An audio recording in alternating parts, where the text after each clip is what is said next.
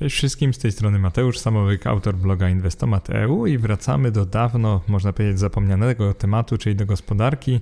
Naprawdę dawno nie mówiliśmy o tematach gospodarczych, a zwłaszcza o takim, który dotyka nas tak bardzo, jest nas tak blisko, że nawet pewnie nie jesteśmy tego świadomi, czyli o polskim długu publicznym i jego strukturze. Czyli o tym, komu państwo polskie jest winne pieniądze, można powiedzieć, czy to się jakoś przekłada na nasze życie, czy to się jakoś przekłada na bezpieczeństwo naszych pieniędzy, które zamroziliśmy, ulokowaliśmy w obligacjach skarbowych. Moim zdaniem zadłużenie Polski należy odczarować, należy je wreszcie prosto wyjaśnić, żeby każda osoba, każdy świadomy albo chcący być świadomym obywatel i obywatelka Polski zrozumieli, jak wpływa to na nasze życie, albo przynajmniej może kiedyś wpłynąć, lub nie, oraz e, co tak naprawdę oznacza to, że Polska jest zadłużona, jaki to jest typ zadłużenia, komu pożycza te pieniądze, kto w ogóle chce Polsce pożyczyć pieniądze i dlaczego. I jeżeli chodzi o taką debatę publiczną, która już myślę, że z nami jest od bardzo, bardzo dawna, związana mocno z polityką, to mamy po dwóch stronach dwa obozy. I takie najskrajniejsze, najbardziej skrajne z nich to wolnorynkowcy, dla których jakiekolwiek zadłużenie państwa jest błędem i obciążeniem obywatela, tak naprawdę, oraz zwolennicy nowoczesnej teorii monetarnej, czyli Modern Monetary Theory, czyli to są osoby, które uważają, że zadłużenie się państwa to jest coś naturalnego, a nawet pożądanego, ponieważ dzięki temu państwo może sterować gospodarką na tyle, że tworzy nowe miejsca pracy, no i ceną za to jest jakby inflacja, więc można powiedzieć, że państwo powinno redukować bezrobocie tego typu polityką, no i ceną, którą płacimy za to jest właśnie nadmierna inflacja. I moim zdaniem, żeby wyrobić sobie własną opinię na temat zadłużenia państwa, czyli w tym przypadku zadłużenia Polski, najpierw należy zrozumieć skalę zadłużenia naszego kraju, poznać ten dług publiczny, zrozumieć strukturę, czyli po prostu to, jakie obligacje wyemitowało państwo polskie i kto obecnie jest w ich posiadaniu. I dlaczego zdecydowałem się akurat teraz nagrać ten podcast? Przede wszystkim dlatego, że w ciągu ostatnich dwóch lat, czyli mniej więcej tyle, ile prowadzę ten blog, teraz już trochę dłużej, widziałem coraz więcej materiałów typu czy Polska zbankrutuje, czy przyjdą po nasze pieniądze, co się z nami stanie, które moim zdaniem mają na celu głównie straszenie nieświadomego i nieznającego liczb odbiorcy. I dzisiaj chciałbym skontrować trochę takie podejście takim bardzo konkretnym, merytorycznym materiałem, w którym rozbijemy na czynniki pierwsze polski dług publiczny, przedstawiać jego strukturę w sposób, mam nadzieję, prosty i zrozumiały oraz przede wszystkim umożliwiający ci wyrobienie sobie własnej opinii o polityce fiskalnej i monetarnej. Także nie będzie tu żadnych gotowców. Każdy tak naprawdę ma prawo myśleć o tym, co chce, natomiast ja postaram się to przedstawić jak najprostszym językiem. I myślę, że warto zacząć od historii zadłużenia państwa polskiego. Czyli spójrzmy na ostatnie 20 lat, czyli już te czasy, można powiedzieć, nowoczesne, jeżeli chodzi o Polskę. Zacznijmy od najważniejszego, czyli od tego, że jeżeli spojrzymy na dług publiczny jako na pewną liczbę i oderwiemy ją zupełnie od rzeczywistości, czyli na przykład utraty wartości polskiej waluty, czyli potocznej inflacji CPI, czy polskiego PKB w, w, czasie, to da nam bardzo niewiele. Tak naprawdę nie da nam żadnej wartości analitycznej. Zacznijmy też od tego, że Polska jest emitentem własnej waluty, czyli polskiego złotego i to ona, nasza Rada Polityki Pieniężnej ustala stopy procentowe i dzięki temu może bezpośrednio sterować podażą pieniądza, a zatem bezpośrednio może akurat powinienem powiedzieć pośrednio rozpędzać i hamować inflację, ale prawda jest taka, że robi to w pewnym sensie bezpośrednio, która sprawi, że nasze koszty życia i zazwyczaj zarobki zwiększą się nominalnie, ale nie zawsze realnie w czasie. I teraz pytanie brzmi, skoro nasze wydatki jako obywateli i zarobki nominalnie rosną, to rosną też zarobki i wydatki państwa polskiego. Bo zauważcie, że państwo no co robi, jeżeli nie ściąga od nas w podatkach pieniędzy, więc jeżeli nominalnie będziemy więcej zarabiać, już abstrahując od tego, czy te pieniądze można wymienić na większą liczbę towarów, na towary, które są więcej warte lub usługi, jeżeli my zarabiamy więcej, to państwo procentowo pobierając pewien podatek od nas też będzie zarabiać więcej. Można tak to przynajmniej widzieć. I oczywiście państwo też, znaczy my jako Polska będziemy mieli też wyższe PKB. Oczywiście wyższe PKB w złotym, no bo jak się porównuje do innych krajów, to się porównuje to PKB per capita, ale wyrażone w dolarze amerykańskim, właśnie dlatego, żeby też ocenić relatywną siłę państwa do innych państw, albo w tym przypadku do Stanów Zjednoczonych. Dlatego moim zdaniem bardzo kiepskim pomysłem jest takie liczenie nominalnie wzrostu zadłużenia Polski, ponieważ w oderwaniu od PKB i w oderwaniu od zarobków tak naprawdę nic ono nie znaczy. Pierwsze pytanie, które stawiamy sobie w tym podcaście to jest skąd państwo w ogóle ma środki na spłatę długu? Jak to jest możliwe, że państwo może się zadłużać? Tak naprawdę zauważcie, że jak my się zadłużamy obywatele, zwykle zadłużamy się, ponieważ pokazujemy bankowi to, że mamy pewne dochody. To są zwykle dochody z pracy, możemy mieć też dochody z prowadzenia firmy, możemy mieć dochody net inwestycyjne. Trzeba po prostu wykazać, że ma się jakieś dochody i zwykle te dochody, jeżeli są stabilne od wielu lat i na bazie jakiejś umowy, dzięki tym dochodom one jakby te, te, te dochody poświadczają bankowi, że my będziemy w stanie z czasem spłacić zaciągnięty dług i dlatego bank w ogóle chce nam to zadłużenie, czy tej pożyczki, kredytu udzielić. Jak to się dzieje, że ktoś chce pożyczyć pieniądze państwu? Państwo ma tak naprawdę trzy sposoby, dzięki którym może spłacać zadłużenie. Najpopularniejszy to jest taki, że wyobraźcie sobie, że państwo wyemitowało obligacje, pożyczyło na przykład 10 miliardów złotych na 5 lat. No to kończącą się po 5 latach emisję długu państwo może spłacić w bardzo prosty sposób, emitując kolejne zadłużenie, na przykład wynoszące kolejne 10 miliardów złotych na 5 lat i jak pożyczy od tych kolejnych osób e, czy instytucji 10 miliardów, to może spłacić to stare 10 miliardów. Ten proces nazywa się rolowaniem długu, jeżeli ktoś o nim słyszał i myślę, że to jest najpopularniejszy sposób, czyli posiadamy zadłużenie, ono się kończy, zadłużamy się znowu i tak naprawdę państwo przez cały czas płaci odsetki, zwykle w różnej wysokości, w zależności od stóp procentowych, i tego tak naprawdę, jak e, kredytobiorcy na co się zgodzą. Natomiast w skali globalnej rolowanie długu, czyli to, że on się ciągle powiększa, państwo bierze coraz więcej i stary dług spłaca nowym, to jest coś bardzo normalnego. Drugi sposób to jest to, że można kończącą się emisję obligacji spłacić tak jakby z zarobionych pieniędzy przez państwo. I co to znaczy, że państwo zarabia pieniądze? To zwykle znaczy, że państwo uzyskuje je z podatków od nas, od obywateli. Więc to znaczy, że jeżeli chcemy na przykład pozbyć się zadłużenia, że to 10 miliardów zaczyna nam jako państwu ciążyć, to państwo może zdecydować, że spłaca to tak na czysto, tak jakby z tych świeżo powiedzmy zarobionych pieniędzy i już nie chce pożyczać kolejnych 10 miliardów. Jeżeli państwo to robi, to najczęściej oznacza, że redukuje swoje zadłużenie, jak w ostatnich latach na przykład robiła Szwecja. To jest dobry przykład. Ja mieszkałem w Szwecji, więc jestem w miarę świadom, jak wyglądała historia ich zadłużenia. Tam akurat państwo było na tyle bogate, na tyle zamożne, że nie dość, że nie musiało się dalej zadłużać, to jeszcze mogło mogło spłacać te kończące się emisje obligacji po prostu zarobionymi, uzyskanymi od podatników pieniędzmi. To jest taki najczystszy sposób redukcji zadłużenia, albo raczej sposób spłacania długu. Trzeci sposób, moim zdaniem najbardziej wątpliwy, to jest to, gdy kończącą się emisję obligacji państwo spłaca z tak zwanych dodrukowanych pieniędzy. To jednak może mieć negatywne skutki długoterminowe w postaci np. inflacji, no bo kiedy pieniądza jest więcej, a towarów, produktów, usług jest mniej więcej tyle samo albo trochę tylko więcej z czasem, no to oznacza to oczywiście to, że ten niesławny dodruk, którym się tak często straszy, jest generatorem inflacji, ale z drugiej strony, jeżeli pójdziemy w stronę tą niewolnorynkową, czyli bardziej właśnie nowoczesnej teorii monetarnej, to właśnie dodruk jest naturalnym elementem polityki monetarnej kraju. Czyli od lat stosuje go bardzo wiele państw świata i główny nurt ekonomiczny, właśnie Keynesizm, głosi, że niska inflacja jest dla gospodarki korzystna, więc w granicach rozsądku można drukować pieniądze, żeby państwo jakby miało ich e, na choćby inwestycje, żeby właśnie rozkręcić gospodarkę coraz więcej i to, że ludzie płacą 2-3% w skali roku, że to jest ten ukryty podatek, że po prostu nasze oszczędności są tyle mniej warte, że to jest według zwolenników tej teorii przystępna, dobra, niska cena za ten proces. Więc wygląda to tak, że państwo ma trzy metody na spłatę długu, albo raczej trzy źródła w pewnym sensie i zadłużenie państwa, tak naprawdę nie tylko polskiego, praktycznie każdego państwa świata, rośnie z roku na rok. I właśnie wolnorynkowcy ostrzegają przed tym wzrostem, mówiąc, że dług naszego kraju jest dla nas równie dużym problemem, jakim jest lub mógłby być dług naszego gospodarstwa domowego. No i teraz pytanie, czy wolnorynkowcy mają tutaj rację? Czy naprawdę dług państwa to jest coś, co my jako obywatele musimy spłacić, czy nie?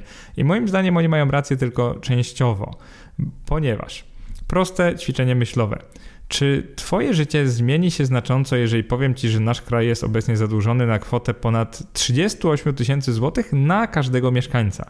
Czyli tak jakbym powiedział Ci dzisiaj, wisisz komuś tam, jeszcze nie mówimy komu, 38 tysięcy złotych. Przepraszam za kolokwializm, z tym wisisz, ale czy twoje życie jakoś się zmienia, że kiedy ja ci to powiedziałem? Czy to znaczy, że musisz coś komuś oddać, masz jakąś datę, jakiś deadline, że te 38 tysięcy złotych y, musisz jakiemuś na przykład bankowi czy inwestorowi zagranicznemu oddać?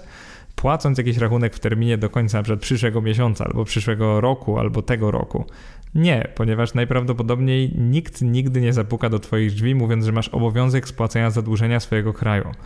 Dlatego rosnący dług publiczny może być problemem dla obywateli, ale w sposób tylko pośredni. I już tłumaczę o co chodzi. Obsługa długu kosztuje, więc im wyższe zadłużenie, tym potencjalnie wyższe odsetki, które corocznie płaci państwo swoim kredytodawcom.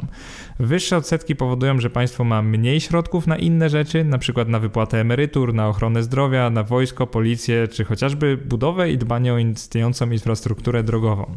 To, to jest pierwszy minus. Jeżeli mamy wyższy dług, to prawdopodobnie w pewnym momencie jego obsługa, czyli po prostu wypłacanie odsetek tym kredytodawcom, obligatariuszom, będzie droższe dla nas, czyli będzie nas jakby stać na mniej nowych rzeczy, na mniej rzeczy w ogóle, a my przecież chcemy, żeby państwo było stać na chociaż pewne rzeczy, bo chcemy mieć te gwarantowane nam emerytury, chcemy mieć ochronę zdrowia, wojsko czy policję, przynajmniej w takim ustroju, w jakim teraz żyjemy.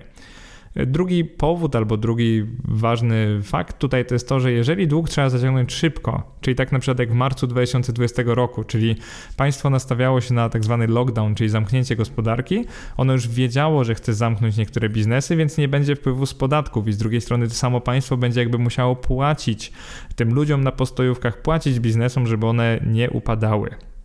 Więc dzięki temu w takich sytuacjach można szybko dodrukować trochę pieniędzy. Więc tak jakby państwo w pewnym sensie pożycza nowy pieniądz samemu sobie, przynajmniej z perspektywy państwa.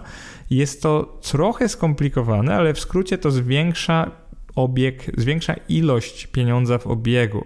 Czyli to znaczy, że mamy podobny poziom dóbr i usług i nagle mamy więcej pieniędzy. Te pieniądze są jakoś redystrybuowane, przykład do państwowych jednostek, zwykle po prostu do konsumentów w ten czy inny sposób. Co oznacza, że konsumenci mając więcej pieniędzy, a te same nawyki wydatkowe, zaczynają po prostu, jak to się kolokwialnie mówi, przejadać, wydawać te pieniądze, co sprawia, że ceny rosną, bo one mogą wzrosnąć, bo pojawia się taki dodatkowy popyt na usługi i towary, więc jeżeli się pojawia, no to firmy firmy tak pragmatycznie mogą po prostu podnieść ceny, a nawet powinny podnosić ceny, no bo tak już działa ta nasza ekonomia i nie ma tu tak naprawdę kogo e, winić. I teraz wracając do państwa, jak już wiemy, że to jest nasz problem, ale tylko pośrednio, czyli zauważcie, nikt nie ma racji, ani to nie jest nasz problem, że my zaraz będziemy musieli z naszych kieszeni zapłacić, a przynajmniej mała szansa, że tak będzie, a z drugiej strony to nie jest tak, że to nie jest żaden problem i można je zadłużać na potęgę i nigdy to nie będzie problemem, więc uważam, że obydwie strony, zarówno wolnorynkowcy, jak i ci keynesiści, moim zdaniem się trochę mylą. Patrzą tak tylko z jednej perspektywy, a nie całościowo na zadłużenie państwa.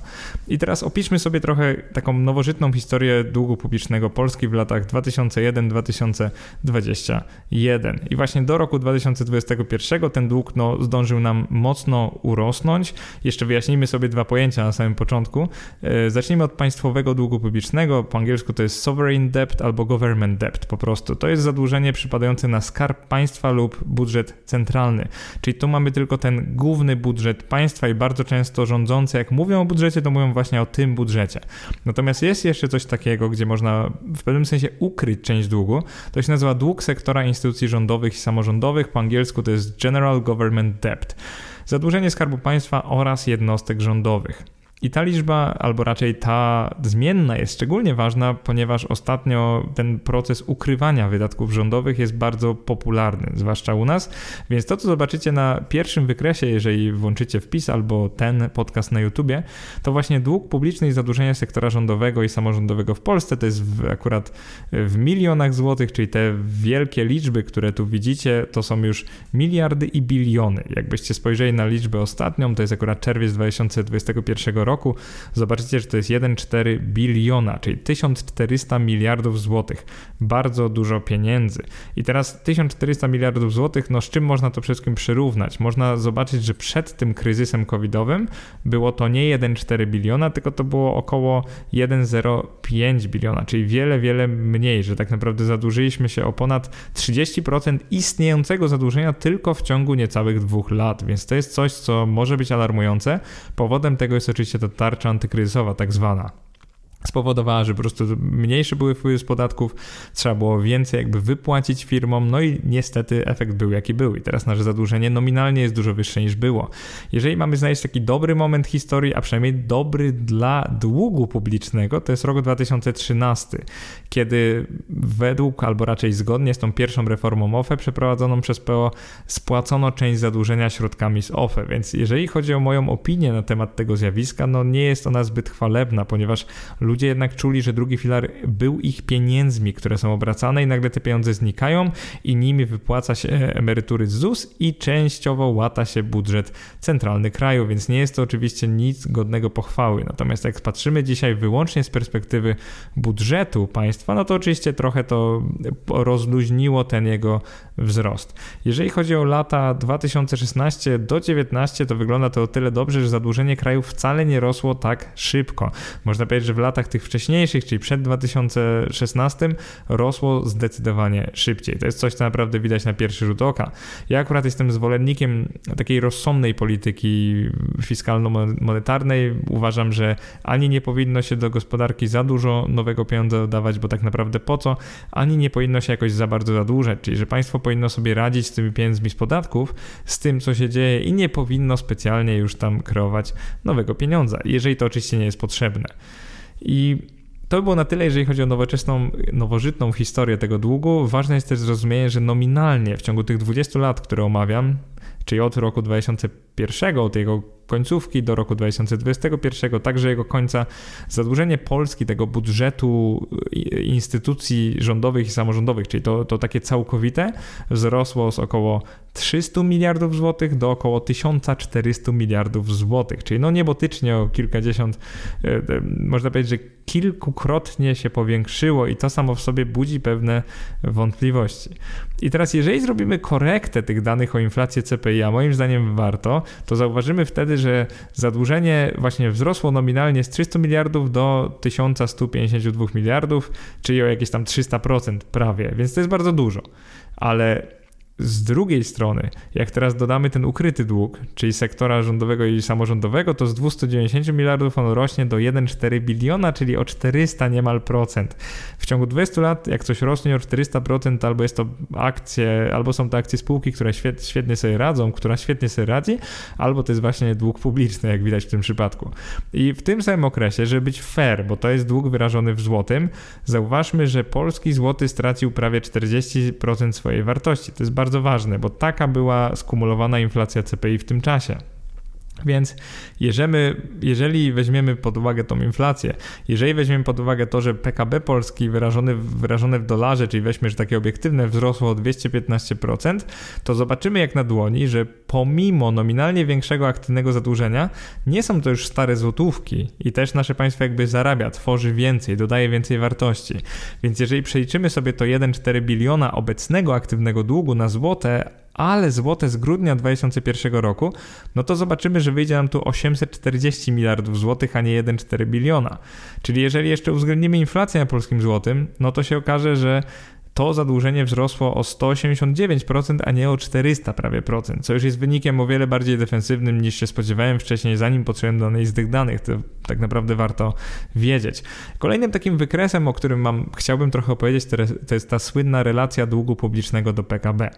I bardzo często mówi się, że właśnie to powinno się oceniać, bo e, czym jest dług publiczny, jest prostą kwotą, którą musi oddać w kolejnych latach, zwykle w ciągu 10 lat, państwo polskie komuś, kto pożyczył mu pieniądze. Czym jest PKB? Tak najprościej produkt krajowy brutto to jest nic innego jak to, ile łącznie wytwarza dany kraj, czyli jakby obywatele danego kraju, no bo kto inny wytwarza wartość jak nie obywatele kraju. I dzięki temu, że weźmiemy, porównamy je do siebie, czyli zobaczymy, że jak państwo produkuje więcej, to jakby może się więcej zadłużyć. Jeżeli z czasem będziemy to do siebie porównywać w tych 20 latach, to dużo bardziej zobaczymy, czy relatywnie państwo je zadłuża, czy nie. I jest takie stwierdzenie, to często polityków, oni zapewniają, że dług publiczny nie jest problemem tak długo jak rośnie, ale równomiernie ze wzrostem PKB danego kraju. I powyższe stwierdzenie o tyle do mnie trafia, że jest analogią do rodziny, która ma z czasem większe zarobki, łącznie gospodarstwo domowe, w skali roku i dzięki temu ma większe aktywne zadłużenia, przynajmniej może mieć, ponieważ ma większą zdolność kredytową i to jest trochę podobnie. Jeżeli widzimy, że państwo generuje więcej środków, tak jakby, w taki sposób abstrakcyjny, no to tak samo można mu udzielić wyższego zadłużenia. Jeżeli chodzi o Polskę, no to nie wygląda to jakoś bardzo ciekawie, no bo 20 lat temu byliśmy zadłużeni i biorę tu ten łączny dług, czyli nie skarb państwa, tylko ten sektora general government.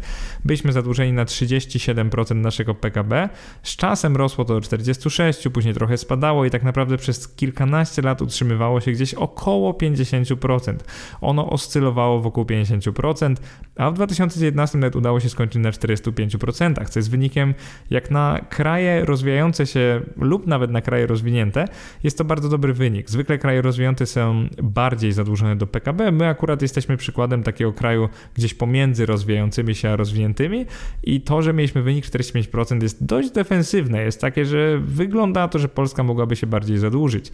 I ci, którzy myślą, że 45% długu tego sektora general government do PKB to jest bardzo dużo, Muszą sprawdzić na przykład, e, jak bardzo zadłużone są Niemcy, Stany Zjednoczone czy Japonia, bo tam to są naprawdę dużo, dużo wyższe kwoty procentowo, dużo wyższe liczby.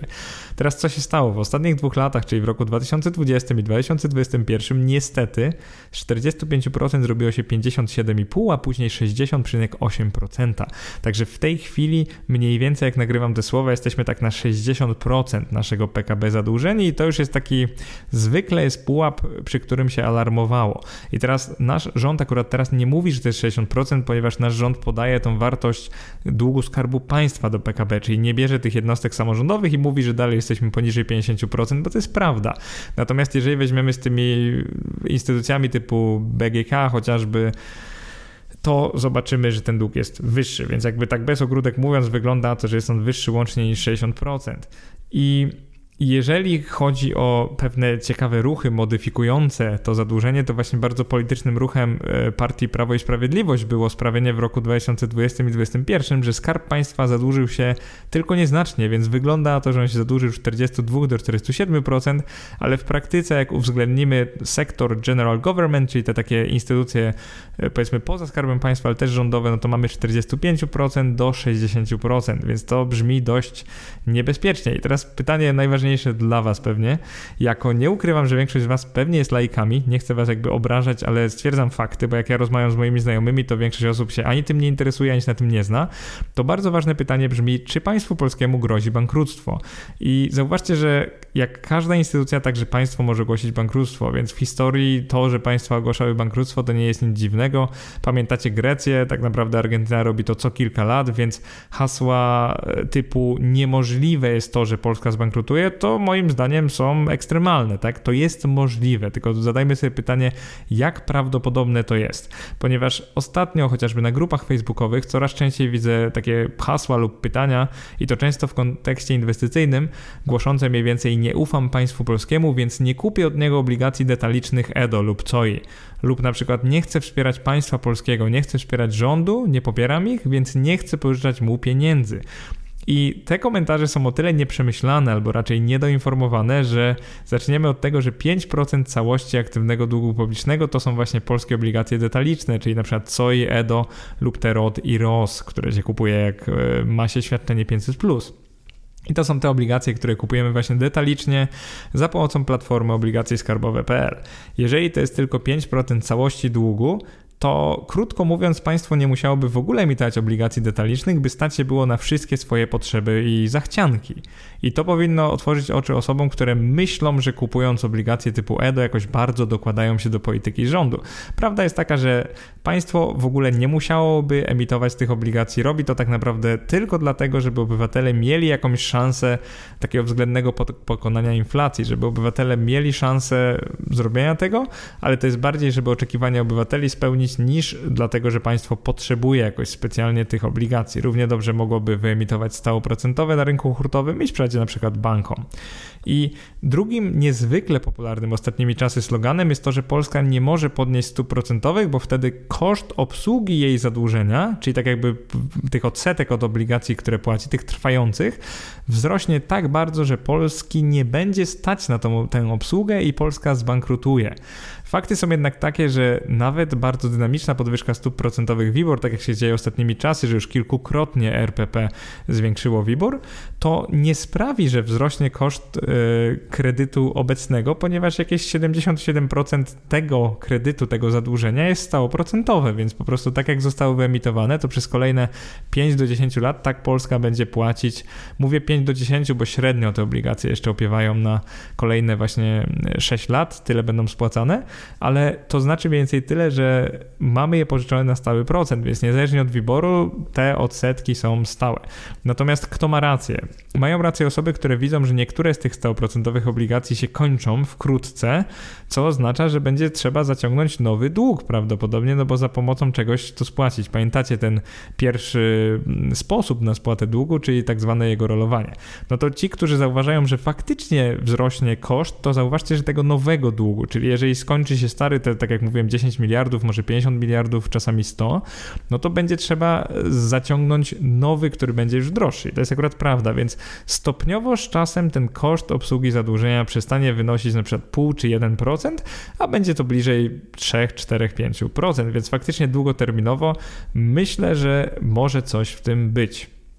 Chyba najważniejsze w tym podcaście to jest zrozumienie, jaka jest struktura zadłużenia Polski, czyli te aktywne obligacje, tak jak Wam powiedziałem, ponad bilion złotych, to jest 1,15 biliona, jeżeli chodzi o dług Skarbu Państwa. Musimy zrozumieć tak naprawdę, co się kryje w tym długu. I chyba warto zacząć właśnie od tego, że prawie 80% tego zadłużenia jest stało kuponowe, stało procentowe, czyli o określonych w emisji warunkach, a dokładnie odsetkach i one już takie po prostu będą, więc czy jest wysoka inflacja, czy stopy procentowe są wysokie, czy nie, one są już na konkretnych, zafiksowanych warunkach i nie będą się z czasem zmieniać. Więc to oznacza, że z tego 1,15 biliona złotych długu prawie 50% to był dług stałoprocentowy wyemitowany w polskim złotym, a kolejne 25% to jest dług stałoprocentowy wyemitowany w walutach obcych. Co akurat nie jest dla państwa takie już super, no bo kurs walut obcych się zmienia oczywiście, więc oznacza to, że dość niestabilna jest ta kontrola zadłużenia. I właśnie do wpisu dodałem taki wykres, na którym zobaczysz, że niespełna 20% polskiego długu hurtowego wypłaca odsetki, których wysokość zależy od stóp procentowych, czyli tak zwane zmiennoprocentowe, czyli im wyższy WIBOR, tym droższy jest nasz aktywny dług. I to może być sporą niespodzianką dla tych, którzy myśleli, że całość zadłużenia Polski jest na przykład zmiennoprocentowa i jeżeli państwo podniesie stopy procentowe, to nagle trwające zadłużenie staje się bardzo drogie. Absolutnie tak nie jest. Gdyby tak było, wydaje mi się, że państwo nie mogłoby w pewnym sensie tych stóp w ogóle podnieść. Zauważcie, że właśnie to robi, żeby walczyć e, z inflacją.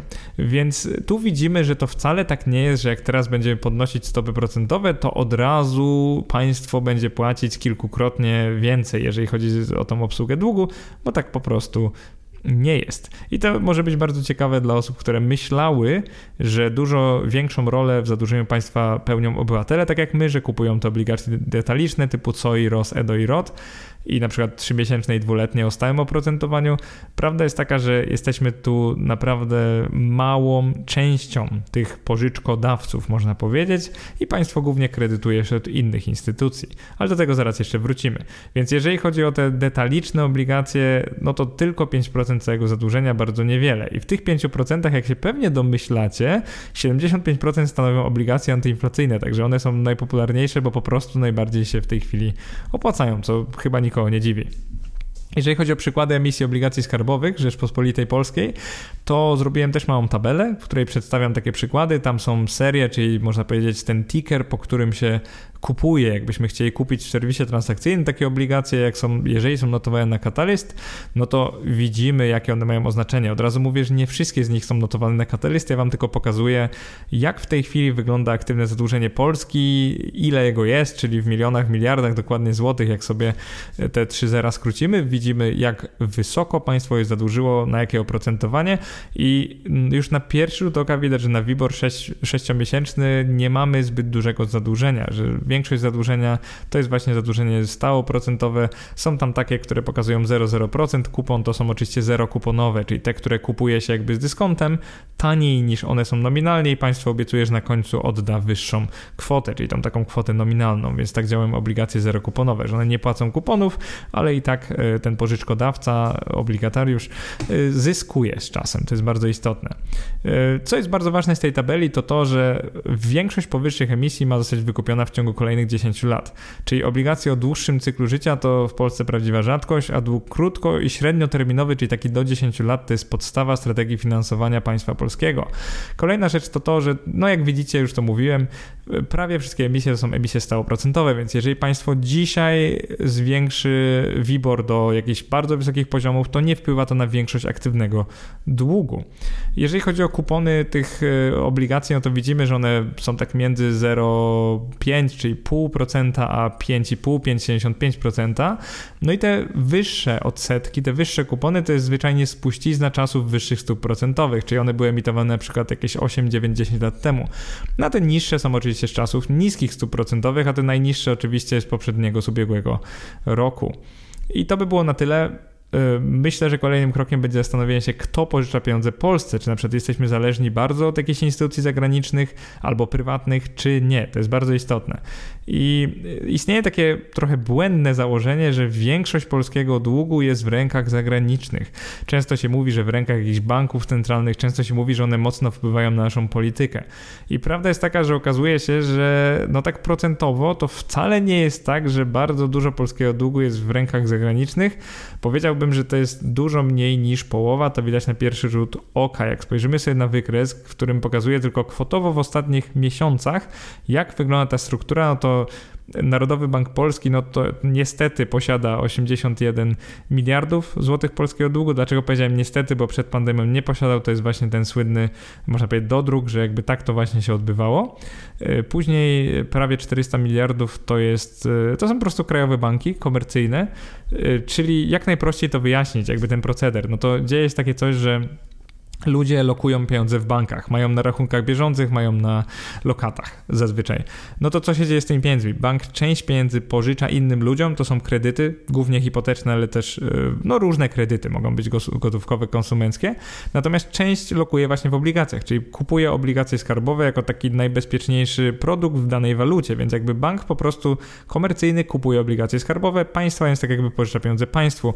Zauważcie, że jest tak naprawdę pośrednikiem między klientem banku, czyli po prostu obywatelem, takim jak ja czy ty, a państwem, więc w pewnym sensie to my, obywatele, pożyczyliśmy państwu te pieniądze tylko przez pośrednika. Kolejną grupą prawie 300 miliardów to jest krajowy sektor pozabankowy i coś tam naprawdę znajduje. Znajdują się tam na przykład ubezpieczyciele, znajdują się tam firmy prywatne, które chcą jakoś lokować środki i tak naprawdę wszystkie firmy, które no, rezydują, działają w naszym kraju, ale nie są bankami. 300 miliardów złotych, także bardzo dużo. Są tam też oczywiście fundusze inwestycyjne, fundusze emerytalne i tego typu y, specjalne, można powiedzieć, instytucje. W każdym razie nie banki, tylko tego typu instytucje. Y, no i grupą taką prawie 400 miliardową, także sporą, ale jak spojrzymy sobie w kontekście, że tu omawiamy ponad bilion, no to nie jest to nawet połowa, jest to daleko od połowy, to są inwestorzy zagraniczni.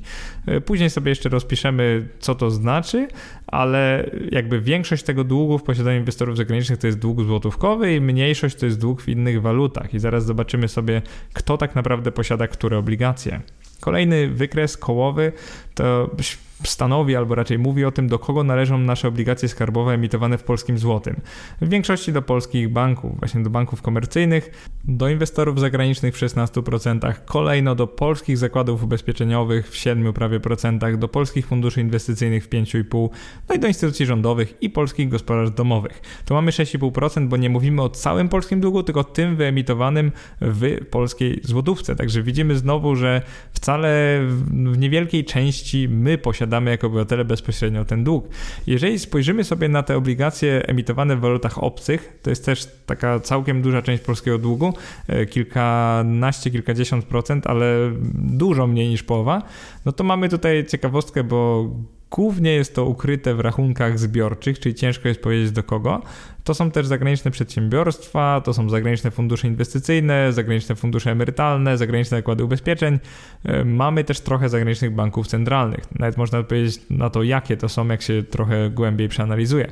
Te obligacje zagraniczne w Polsce są zwykle w euro, dolarze i japońskim jenie. To jest taka ciekawostka dla tych, którzy nie wiedzą, no bo głównie w tych trzech walutach w ogóle znajduje się ktoś, kto chce pożyczyć Polsce pieniądze, przynajmniej w przyszłości tak było. Niestety te 36% rachunki zbiorcze nie stanowi o tym, kto to posiada i ciężko jest powiedzieć, w jakich one są rękach, no ale widać, że w jakichś są. I ostatnia taka tabela jako ciekawostka, skąd pochodzą posiadacze polskich obligacji w walutach obcych, tych e, nominowanych walutach obcych, to się okazuje, że głównie no, rachunki zbiorcze, czyli znowu nie wiemy, są banki centralne, ciężko powiedzieć, no i mamy głównie Japonię. To jest też taka ciekawostka, że ponad 27, przynajmniej w tym dzisiejszym złotym 27 milionów miliardów to są obywatele Japonii. Jest trochę Holendrów, obywateli Luksemburgu, Niemiec, Stanów Zjednoczonych, Irlandii, Francji, Wielkiej Brytanii, Szwajcarii itd., tak itd. Tak Także w pewnym sensie mogliśmy się domyśleć, że udział tych nierezydentów podatkowych Polski będzie e, dość nikły w całym zadłużeniu, tak jak mówiłem, kilkanaście procent.